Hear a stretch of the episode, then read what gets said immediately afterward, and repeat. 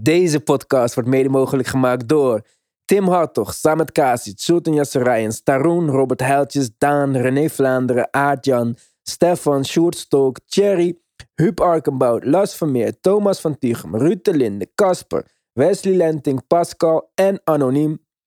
Geen nieuwe leden, dus geen nieuwe shoutouts. Wil je ook extra podcasts of wil je gewoon supporten? Ga dan voor ons hele archief aan content naar onze petje af, petje.af slash de basketbalpodcast. Je kunt de petje af ook toevoegen aan alle RSS-feed compatible apps, waaronder Apple Podcasts. Dus gemakkelijker kan het niet. Let's go!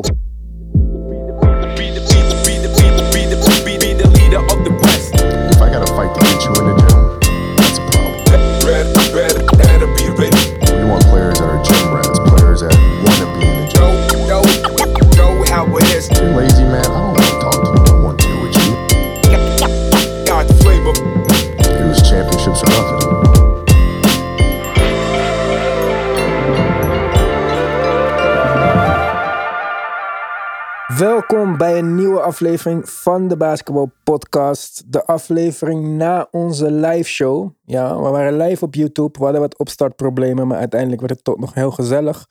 Bedankt iedereen die daarna heeft gekeken en geluisterd, die heeft meegechat. Wij vonden het heel erg leuk. De audio kan je terugluisteren op Apple Podcast of op Spotify of op al je andere podcastplatformen. En de video kan je nog steeds op YouTube terugzien. Ga naar debasketbalpodcast.nl. Mark heeft daar een mooie link gemaakt. En eh, dan kom je zo op onze pagina terecht. Abonneer ook gelijk op onze YouTube pagina. Want je weet maar nooit wat er nog aankomt in de toekomst. We gaan het woensdag over de Porzingis trade hebben. We krijgen namelijk een gast. En ik denk dat die daar ook wel wat over kwijt wil. Dus we beginnen vandaag eigenlijk met de trade van de avond. Van, nou ja, van de trade deadline avond natuurlijk. Ik denk dat iedereen het erover eens kan zijn dat het Ben Simmons James Harden trade is. In de live uitzending zei ik nog dat James Harden zijn speleroptie zou lichten. Maar dat is dus niet gebeurd. Maar de Sixers en Harden hebben er wel vertrouwen in dat ze een eh, lange termijn samenwerking eh, aan kunnen gaan van de zomer. Dus ik denk dat daar al het een en ander besproken is. Er zal wel een deal uit volgen. Even om de trade samen te vatten. Brooklyn kreeg dus Ben Simmons, Seth Curry, Andre Drummond, een 2022 first round pick en een 2027 first round pick. Allebei unprotected. Of nee, sorry, de 2022 pick is unprotected. 2027 pick is protected. En Philadelphia kreeg James Harden en Paul Millsap. Maar voordat we eigenlijk deze trade op waarde kunnen inschatten of beoordelen, hoe je het wil noemen, moeten we misschien even kijken naar de originele James Harden trade. En dat was namelijk dat de Nets James Harden kregen. En de Rockets kregen toen, omdat Indiana er ook bij betrokken was, Victor Oladipo, Tante Exum, Rodion Kurocs, vier first round picks, waarvan eentje van de Cavs was, dus niet van de Nets. Dus drie first round picks kwamen uiteindelijk van de Nets. En vier pick swaps, die wel met de Nets. De Pacers kregen toen Caris LeVert. Nou, zoals jullie weten is Caris LeVert inmiddels ook weer verhandeld, maar daarover later meer. En de Cavaliers kregen in die trade, eigenlijk om alleen de trade van Torian Prince te faciliteren, Jared Allen erbij. Nou ja, die was dit seizoen bijna All-Star. Maar goed, zoals ik al zei, de Nets gaven drie first round picks op. En er een beetje van uitgaande dat de Nets en de Sixers de komende jaren even goed gaan zijn. Wat ja, wel ongeveer de verwachting is. Kunnen we die picks die ze nu weer hebben gekregen tegen elkaar eh, wegstrepen, zeg maar. Dus ze verloren er drie in de originele trade. En ze kregen er twee terug in deze. Zelfde jaren ook nog. Dus het komt dan eigenlijk neer op het volgende.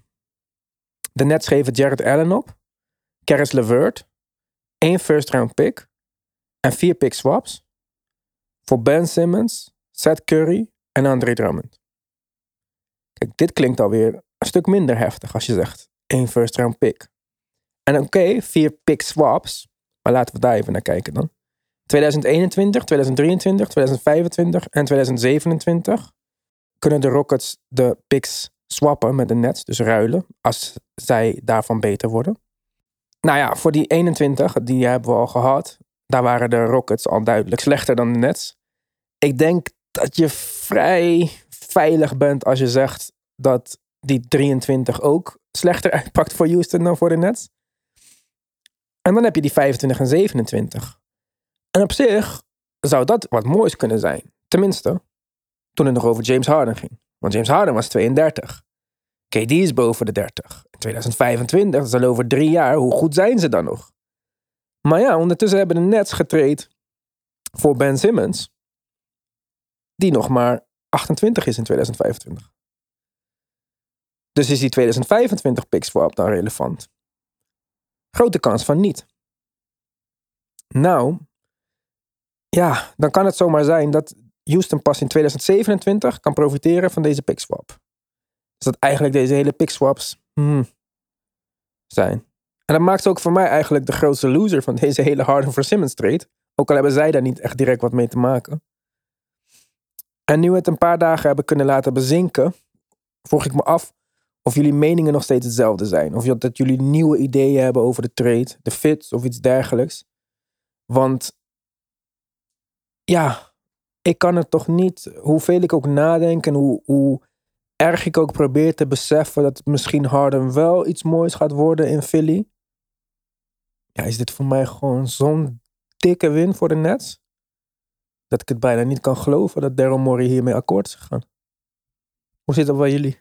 Nou ja, ik denk dat hij vooral eh, volgehouden heeft. En daar eh, nou ja, wil ik hem nog wel credits voor geven. Ook als je eh, zo verliefd bent op een speler als dat hij is. En het al zo lang de, de, de, de geruchten eronder doen dat je uiteindelijk die speler binnen wil halen. En dat lukt nu. Dan valt daar wat voor te zeggen. Ik bedoel, dat, eh, dat is verder prima. Maar ja, ik denk dat als we er al beter van worden. En dat eerlijk gezegd denk ik dat inmiddels wel. Wat dat betreft is mijn mening iets genuanceerder geworden dan, dan op de avond zelf.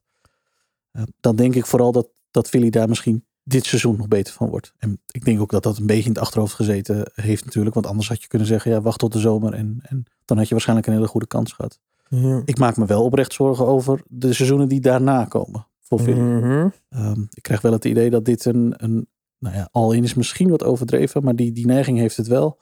Eh, en dat je dan ook wel echt dit seizoen, nou ja, ik kan mezelf nog in volgend seizoen praten, maar daarna wordt het wel echt heel onzeker. En zeker niet beter dan het nu is. Daar kan, dat, dat, daar kan ik gewoon niet bij. Terwijl bij de Nets, ja, ook een hele hoop vraagtekens. Want laten we wel wezen, niemand heeft Simmons nog gezien. Dus we kunnen allerlei dingen aannemen. En, en op basis van, eh, van ehm, die aannames een, een fit wel of geen succes noemen. Het lijkt er inderdaad op alsof dat best wel interessant kan gaan worden bij, eh, bij de Nets. Maar ja, wie weet hoe zijn state of mind is. We hebben te maken met twee spelers die in, in een aantal gevallen hun team eh, nou ja, in de steek gelaten hebben is misschien wat overdreven. Maar in slechte situaties ervoor kiezen om, eh, om weg te kijken. En niet om... Ja. dus ja, wat, wat betekent dat voor Brooklyn in dit geval? Nou ja, Als ook- blijkt dat het niet, niet meteen een succes wordt. Over die eh, staat van Ben Simmons. Zijn fysieke staat zou ready to play zijn. Omdat hij ook al pick-up games heeft gespeeld en dat soort dingen. Hij is ook eh, getest door Brooklyn en fysiek is hij helemaal oké bevonden. Patty Mills zei nog, I got his back. I've always had his back. En eh, hij heeft KD gesproken, zowel als Sean Marks. Iedereen is ervan overtuigd dat Ben Simmons niet alleen ready to play is, dat hij happy is om in Brooklyn te zijn zelfs. En dit is precies wat hij misschien nodig heeft. En als je kijkt naar de personen die KD en Kyrie zijn. En ik bedoel dat niet slecht, maar dat, dat zijn ook gevoelige jongens. En Joel Embiid is een troll. Is een grappenmaker. Is, neemt niet zo serieus, dist mensen. Of het nou André Drummond was voordat hij met hem speelde, of Cat, of nu zelfs zijn eigen teamgenoot die weggaat. En waar hij van een meme post over iemand die gaat lachen ergens op een begrafenis. Ik bedoel, ja, dat betekent. Dat zegt ook wat over je karakter. Hè? Dat betekent ook dus dat alles wat je tot nu toe zei gelogen was. En dat betekent ook dat wij ons niet serieus hoeven te nemen als jij zegt van we've got our, our brothers back. Aan het begin van het seizoen. Wat iedereen ook al dacht. En nu is hij in een team met andere spelers die misschien wat meer op zijn mentale golflengte zitten. Laat me zo zeggen. Level is het niet natuurlijk. Dus ik denk dat dat ook wel past. Hij is met Patty Mills. Hij is natuurlijk met Kyrie Irving. Die trouwens eh, natuurlijk ook eh, Australië geboren is, net als hij. Dus ja, ik, ehm, ik denk dat het wel wat beter gaat werken. En ook dat het mentaal een wat kleiner probleem gaat zijn dan dat ik dacht, zeg maar. Ik denk dat het, eh, het feit dat hij nu een veranderde omgeving heeft. En waarschijnlijk in een betere omgeving terechtkomt dan wat bij Philly was. Ik denk dat dat inderdaad buiten kijf staat. Dat dat verder alleen maar positieve invloed gaat hebben. Ik denk dat dat ook meer noodzaak was dan dat het iets per se iets heel positiefs is. Ik denk dat hij bij Philly uit een situatie komt die redelijk toxic was inderdaad. Dat, dat was, voor hem, eh, was voor hem geen fijne situatie. Eh, had ook zeker niet beter geworden. Het enige waar ik me twijfels over heb is wat gebeurt er met die jongen op het moment dat hij één weer onder druk komt. Gaat Mhm. zeker gebeuren tegen het einde van het seizoen als de playoffs daar zijn. Er gaan situaties komen waarin dat gebeurt. En twee, wat gebeurt er als het niet zo uitpakt als dat je van tevoren iedereen op denkt en op hoopt. Want op zich zijn de reacties op zijn fit in Brooklyn best goed. Mhm. Ehm, ja, dan ben ik benieuwd hoe pakt hij dat op? Kan hij dat omzetten in, laten we zeggen, extra motivatie om nou ja, zichzelf misschien wat aan te passen? Hij komt toch in een echt wel andere omgeving dan waar hij vandaan kwam. Als, het kijk, als je puur kijkt naar, Mhm. naar het team. Ehm, hij kan ready to play zijn. Hij kan fit zijn. En ik denk inderdaad dat hij fysiek dat hij niet zo heel ver weg is van, van, eh, van spelen. Maar ja, die situaties onder druk, die kun je niet zien. Dat is nou net het punt wat je niet kan simuleren. Ja, maar ik denk dat het onder druk een beetje eh, overblown is door de media. Want wat, is, wat was onder druk? Dus gaat dit allemaal om die bal die hij heeft gepaast? Hij heeft gewoon zijn gemiddelde puntenaantal gehad, wat Ja. hij altijd deed. Hij heeft lockdown defense gespeeld op een van de beste perimeterspelers in de NBA, namelijk Trey Young. Nog boven 28 punten per wedstrijd in die serie. Maar ga maar even die serie Zeg. terugkijken. En ga maar even kijken wat Trae Young daarvoor heeft gedaan en zo. En in die serie, net zoals in het jaar daarvoor, was het net zo'n groot probleem met Embiid qua turnovers. En dat heeft Ben Simmons natuurlijk ook laat, laatst gezegd. Van iedereen geeft mij de schuld van deze serie. Maar uiteindelijk was het wel Joel Embiid die Kawhi overnam van Ben Simmons. En daardoor een stap te traag was en het schot niet goed kon contesten. En die hele serie was Embiid 17 punten per wedstrijd. Dus om je zo af te geven op iemand openbaar op je teamgenoot, zowel Embiid als Doc Rivers, goed hier hebben we het vaak over gehad. Ja, dat is bekend. Dit was de Dat ben oorzaak. ik ook wel met je. Maar ik ben niet per se overtuigd dat hij niet heeft gepresteerd onder druk. Dit is ook hoe hij werd gebruikt. En hij werd de hele, het hele jaar zo gebruikt in een half-court set. En Ja. in de playoff wordt het spel langzamer. Dus kom je vaker in die set. Dus ik denk, we gaan het zien. Hè? Misschien eh, inderdaad eh, is hij slechter onder druk dan dat ik denk. Maar ik denk dat het, als hij wordt gebruikt op een manier dat, dat hij ook wat nuttigs te doen heeft. Maar nu verwachten we een wonder. Dat hij wat, de bal uit de lucht ging pakken, terugrennen naar de driepuntlijn en een veden. Ja, wat verwacht je van hem? Dit was zijn rol wat hij, die hij had. En ik kan je echt garanderen dat hij die rol niet hier heeft. En niet gaat, gaat, we gaan hem niet zien, zo net als bij Philly, anderhalve meter stilstaan van de basket in de aanval. Want dat is, vind ik niet à la Steve Nash. En dat is ook niet volgens mij wat Kyrie en KD wouden. Want die eerste paar wedstrijden zonder Harden, bij de Nets, speelden ze totaal ander basketbal. Dit was de grootste frustratie ook over James Harden, dat het met hem op het veld elke keer ander basketbal was. Goed, misschien heeft Kyrie geen recht van spreken natuurlijk, aangezien hij de helft van de tijd niet op het veld is en het halve seizoen heeft gemist. Maar ook als je kijkt naar die quotes van Blake Griffin, was het gewoon duidelijk dat bij de Nets Harden ook niet paste in de kleedkamer. Er waren echt eh, ja, pittige woorden.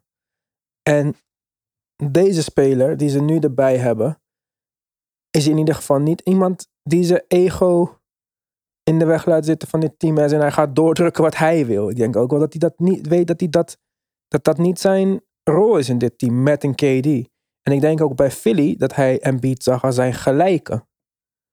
Maar ik denk niet dat hij KD ziet als zijn gelijke. Tenminste, dat, dat hoop ik voor hem, eh, zeg maar. Nee, klopt. Ik denk dat dat ook de, de vraag niet zozeer is. En ik zou ook niet eens willen terugkijken naar die serie. Want ik denk inderdaad dat als je dat een beetje objectief bekijkt, eh, dat hij best wel naar zijn, naar zijn kunnen gepresteerd heeft. En dat de problemen die we met zijn spel hebben, dat staat verder los van dit verhaal, wat mij betreft. Waar het mij om gaat is, eh, wat er in de nasleep daarvan gebeurd is, is niet niks geweest. En wat er in de nasleep daarvan gebeurd is, is onder andere aanleiding geweest dat hij op een gegeven moment naar buiten kwam met de mededeling, ik zit mentaal niet helemaal lekker. Ehm, daarvoor was dat volgens mij nog nooit besproken. Zeker niet openbaar. Ik ben dus vooral benieuwd, hoe komt hij hieruit? En de eerste keer dat hij daarna in een situatie komt, postseason, druk, misschien zelfs een throws. achterstand. Ja, achterstand in de, in de playoff series. De, ik, ik- dat soort voorbeelden. Hoe gaat hij daarmee om? Wat kan hij dan voor dat team betekenen? Misschien zit hij inderdaad wel in een team waarbij dat dan niet van doorslaggevende Ja, factor meer is. Want hij heeft twee jongens naast zich die, ja, Ja, op misschien is de moment een vraag, wat gaat het team voor hem betekenen? inderdaad. Klopt, niet alleen de steun van zijn spelers, maar gaat hij nou eindelijk een rol krijgen? Ja, misschien misschien ehm, eh, draagt hij, kan hij meer bijdragen als hij inderdaad in een wat begripvoller omgeving terechtkomt. Ja. En ehm, ja, ik denk dat het al gauw begripvoller kan dan in Philly. In zijn algemeenheid alleen al. Ja. Dus ja, eh, eh, een, slechte, een slechte move is het zeker niet. Ik denk voor beide kampen niet. Want ik zie Philly in eerste instantie ook nog wel profiteren. Mijn, mijn zorgen zitten hem voor Harden en voor Philly in om te beginnen volgend seizoen. Maar zeker de jaren daarna. Ja, dat, het wordt, eh, dat hebben we al gezegd. 60 miljoen als eh, Harden 37 is of zo. Nou, maar Nou, heel veel plezier daarmee. Harden heeft nu al twee keer een situatie de, vaarwel gezegd waarin het niet goed ging. Oké, als dit seizoen met Embiid niet werkt zoals, zoals hij graag zou willen. Het is maar afwachten. Op papier kunnen ze inderdaad allebei fantastisch zijn. Maar ze Mhm. hebben geen ervaring met elkaar. Ik ben, ik ben heel benieuwd. En wat is een succes? Wat, als die jongens in de tweede ronde worden uitgeschakeld. Als dat al zou gebeuren. Is dat dan een succes? Zo niet. Wat gaat Harden dan doen? Want hij heeft inderdaad nog steeds niet die optie gelicht.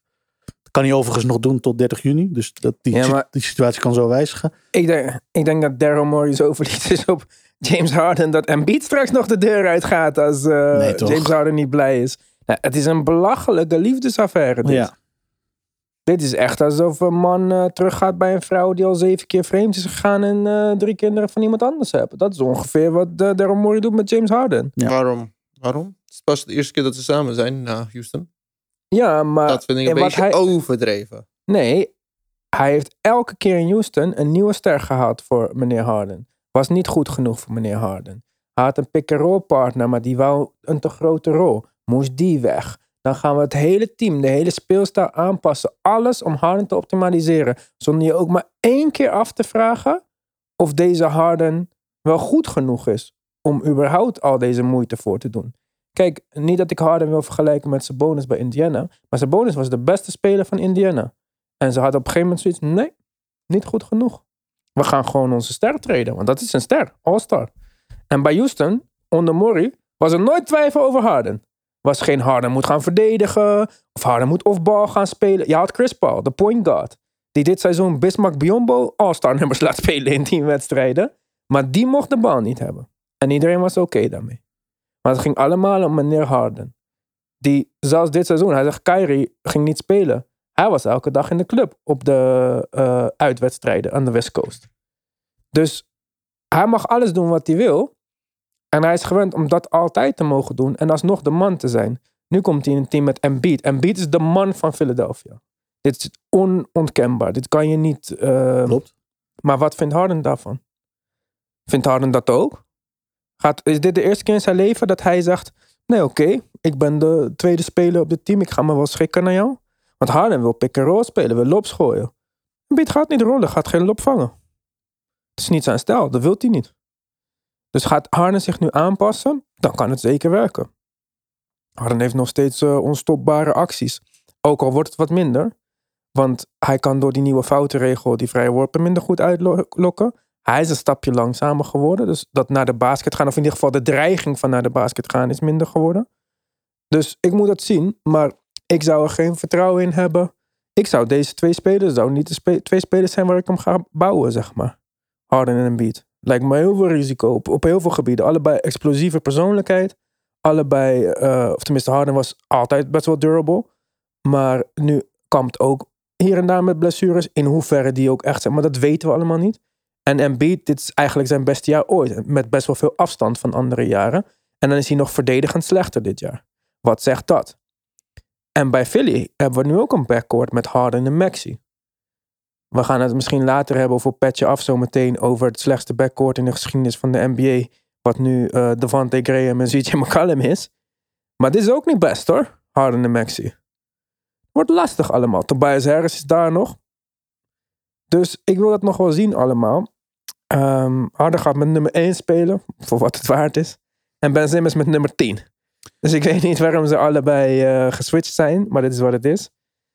En ehm, we moeten het sowieso gaan zien natuurlijk. En dat gaan we ook binnenkort zien. Ik kan niet wachten tot die eerste wedstrijden. Zowel van Philly als van de Nets. Ik ga dit echt met... eh, ik ga dit echt gelijk kijken. Ja, absoluut. Maar eh, voordat we verder gaan, want ik wil even verder zometeen met de, met de Cavs. Want die stuiten ook mooi aan eh, op deze trade, aangezien ze ook betrokken waren in de volgende trade. Dus ik ga het weer doortrekken. Heb ik één beetje quizvraag voor jullie. Ik heb hem ook al aan Francisco gesteld aan de telefoon. Hij kwam er ook niet op. Uit welke stad zijn deze eeuw de meeste nummer 1 picks uit de NBA afkomstig? Stad of eh, staat? Stad. Stad in een. Ja, oké. Ehm, Uit welke stad komen de meeste nummer 1 picks van, de, van deze eeuw, dus sinds de 2000, in de NBA? Cleveland. Fout. Wat denk jij? Zeg, we hebben er maar 22 gehad, hè? Dus misschien met weinig kan je al bovenaan staan. Doe een gok, eh, ja, Tim. Geen idee. New York City? Nee. Melbourne, Australia. Nou, Andrew ik wilde Bogut, nog vragen, is het in Kyrie Amerika? Irving Ja. en Ben Simmons. Ja. Oh, wow. Ik, heb ik dacht, hij bedoelt Amerika, dus ik eh, ga Ja, er niet eens over Ja, nadenken. alright. Ja. drie nummer 1 picks uit Melbourne in de afgelopen 22 jaar. Ja, Grappig, hè? Ja, dat is grappig. Ik denk dat dat echt een goede quizvraag is als Ja. je een eh, NBA-quiz doet. Want ik denk dat niemand komt op Melbourne. Dus dat is wel grappig. En ik dacht eigenlijk eerlijk gezegd ook dat ehm Kyrie Irving's vader, eh, van moeder Australisch was. Net zoals bij Ben Simmons. Is natuurlijk zijn vader Amerikaans, moeder Australisch. Maar dat is niet zo. Zijn ouders waren allebei Amerikaans. Maar zijn moeder is op vierjarige leeftijd, of op zijn vierjarige leeftijd overleden. En eh, toen is het gezin alsnog opgegroeid in Australië. En toen Kyrie Irving werd geboren, was de coach van zijn vader in de tweede divisie van Australië. Weet iemand dat? Ik ga zo meteen oh ja zeggen. Ik heb dit verhaal wel eens Zijn gehoord. vader was? De vader van Kyrie's Ja. coach in de tweede divisie van Australië was Brett Brown. Oh, Oh. En toen Ben Simmons werd geboren, was de vader van Ben Simmons zijn coach, Brett Brown. Brett Brown heeft hen allebei als baby wauw. vastgehouden. Dat is een leuk detail. Ja, En Ben Simmons' vader was overigens een stuk beter. Die was All-Star van Australië. En eh, volgens mij zelfs MVP een keer. En Kyrie's vader heeft het niet verder geschopt dan de tweede divisie. Maar eh, ja, wel leuke details, toch? Ja, ja, kijk, zeker. eh, als je een podcast voorbereidt, Was- dan eh, kom je nog eens op een paar feitjes hier en daar. Met Carl en Sabonis is dat ook gebeurd. Ja. Kan ik nog één vraag dan aan jullie stellen? Nou, Waarom heeft James Harden nummer 1 gekozen? omdat hij de beste alle tijden is. Nee, omdat Phillies nummer 13 is retired door. Oh, Will Chamberlain Oh, Will, natuurlijk. ja. Ja. Oh, ja. Maar had hij ook 13 bij OKC? Ja, ja. Oké. Goed. Gaan we verder met de Cavs. Als we even kijken wat zij eh, in totaal eigenlijk hebben gedaan in, sinds die Harden trade dan. De oorspronkelijke Harden trade. Ze hebben Dante Exum, Ricky Rubio, een 2022 lottery protected first round pick, een 2022 first round pick via Milwaukee, een 2022 second round pick via Houston, een 2024 second round pick via, via niemand, via hun, 2027 second round pick via Utah, weggestuurd voor Jared Allen, Torian Prince, die ze dan weer hebben gebruikt in de Ricky Rubio trade uiteindelijk. Eh, om voor Ricky Rubio te treden in eerste instantie bedoel ik. Karis LeVert, de rights to Alexander Vezenkov, een 2022 second round pick via Miami, eh, is wat ze terug hebben gekregen. En eigenlijk kan je dus Rubio en Prince op allebei de lijsten zetten, want die hebben ze zowel binnen gekregen als weggestuurd. Ja. En ehm, Rubio kreeg ze natuurlijk voor Prince en een 2022 second round pick. Dat was eigenlijk een best wel goede deal. En die hebben ze dus weer naar Indiana gestuurd als salary filler voor Karis LeVert. Met die eh, first round pick en second round pick. Dus uiteindelijk heeft dat ze ook nog wat opgeleverd. Rubio ook natuurlijk heel goed gespeeld. Hè? 34 wedstrijden voor de Cavs. 8 starts, eh, 13,1 punten, 6,6 assists. Is niet mis. Was echt een goede aanwinst voor hen. En hopelijk ook eentje die weer terugkomt. Dat denk ik ook. En eh, ik zei net al, Houston zijn de, de grote losers voor mij. Kijk, uiteindelijk van deze hele deal, als we het vanaf het begin bekijken, is Levert natuurlijk de grote winnaar. Zonder medische keuring was hij misschien ziek geweest nu. Dus dat is iets wat, eh, ja, toeval bestaat niet, zeggen ze. Maar, eh, dus dat is wel goed. Hij heeft al twee wedstrijden gespeeld voor de Cavs. Eerst tegen zijn oude team, Indiana, van de bank. Ja. En volgens mij had hij 11 punten toen, als ik me niet vergis. Ja. En de tweede wedstrijd, als ik het goed zeg uit mijn hoofd, had hij 22 punten en startte die ook. En dat was ook met Garland. Met dus dan konden we ja. gelijk zien hoe dat dan was. Alleen die wedstrijd hebben ze uiteindelijk eh, verloren, als ik me niet vergis. Ja, Ja. klopt. Hij kwam wel van de bank. In de laatste wedstrijd? Ze starten met eh, Garland en Okoro.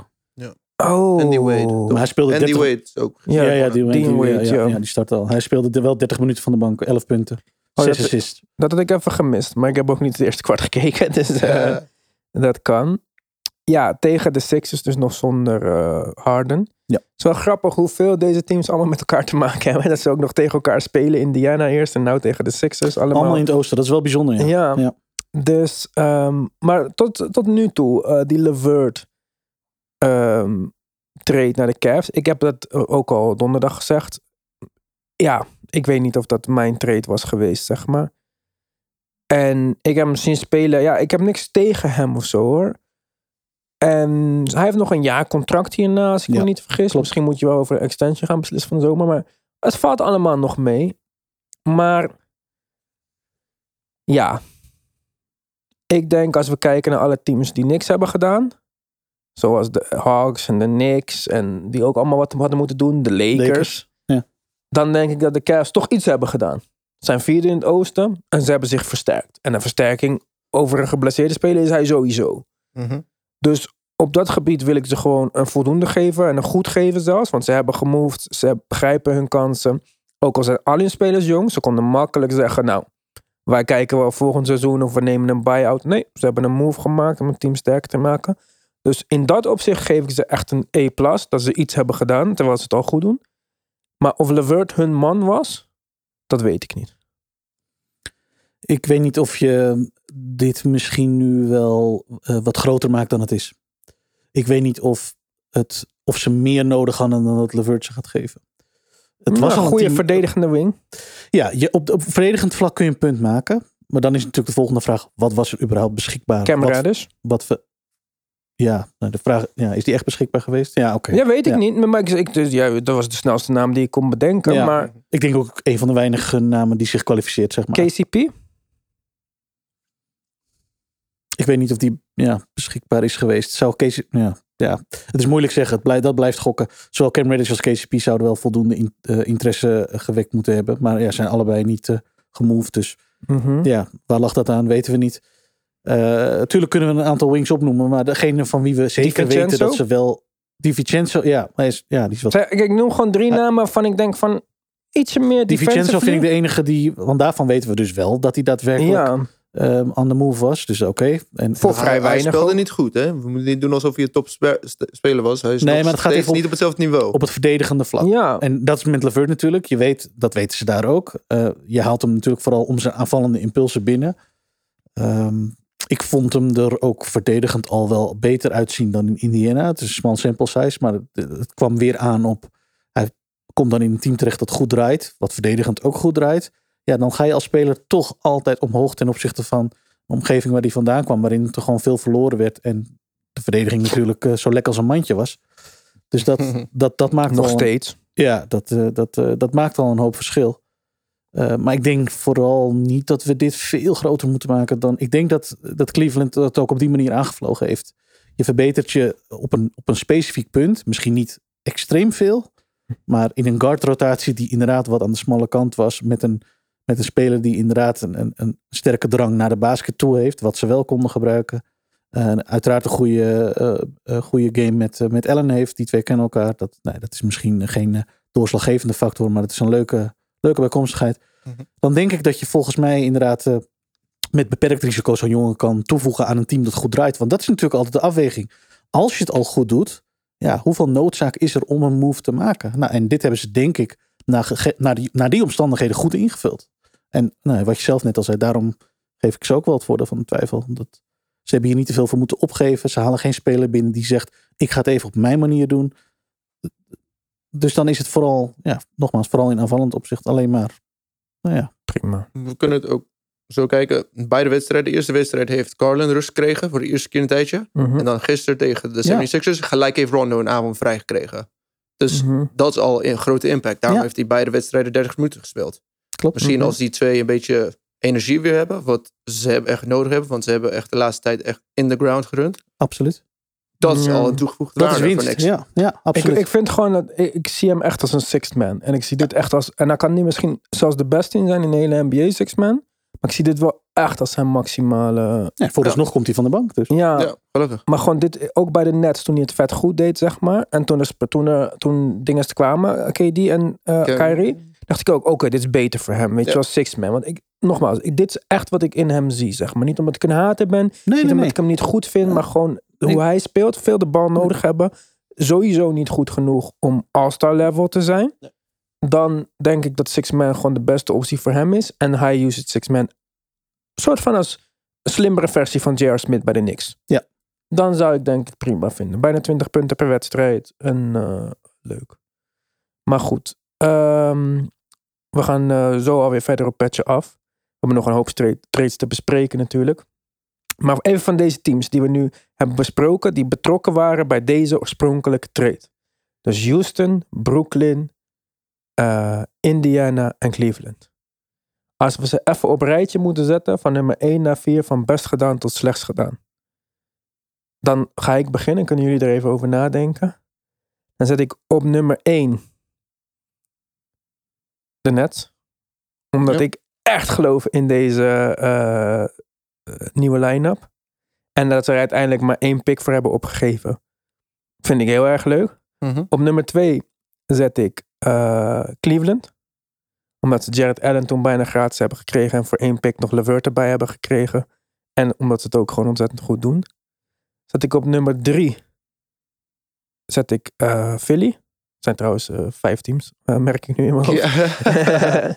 Zet ik Philly, omdat ja, James Harden is eh, toch een grote speler. En eh, je hebt nu twee supersterren bij elkaar in een team. Dat is altijd eh, iets wat, wat je zou willen. Nou, dan zet ik op vier Indiana. Omdat ze in ieder geval nog picks eraan over hebben gehouden aan dit festijn die misschien iets zijn. En op vijf de Houston Rockets. Want die gaan tanken de komende jaren. Die, hebben, die kunnen amper meekomen in de NBA. En die picks die ze nu krijgen, ja, die zullen helaas voor hen nog de komende jaren waardeloos zijn, denk ik. Mhm. Hebben jullie een andere volgorde? Willen jullie een team wisselen? Nee, ik Nee. denk het niet. Ik denk de enige wa- waarover je zou kunnen discussiëren is dat je Philly een plek hoger zet. Omdat je, nou ja, eh, omdat je heel groot, hoge verwachtingen hebt van de duo eh, Harden en Embiid. Ik zou zelfs eerder nog Cleveland boven eh, de net zetten, zeg maar. Eh, Jared Allen was echt gratis. Ja. Nee, maar ik denk in zijn algemeenheid dat dit wel Ja. Ja. ja, de volgorde is zoals je hem kan aanvliegen. Ja. ja. Goed, gaan we verder op Petje Af. Je kunt onze Petje Af vinden door naar de basketbalpodcast.nl te gaan en te klikken op Petje Af.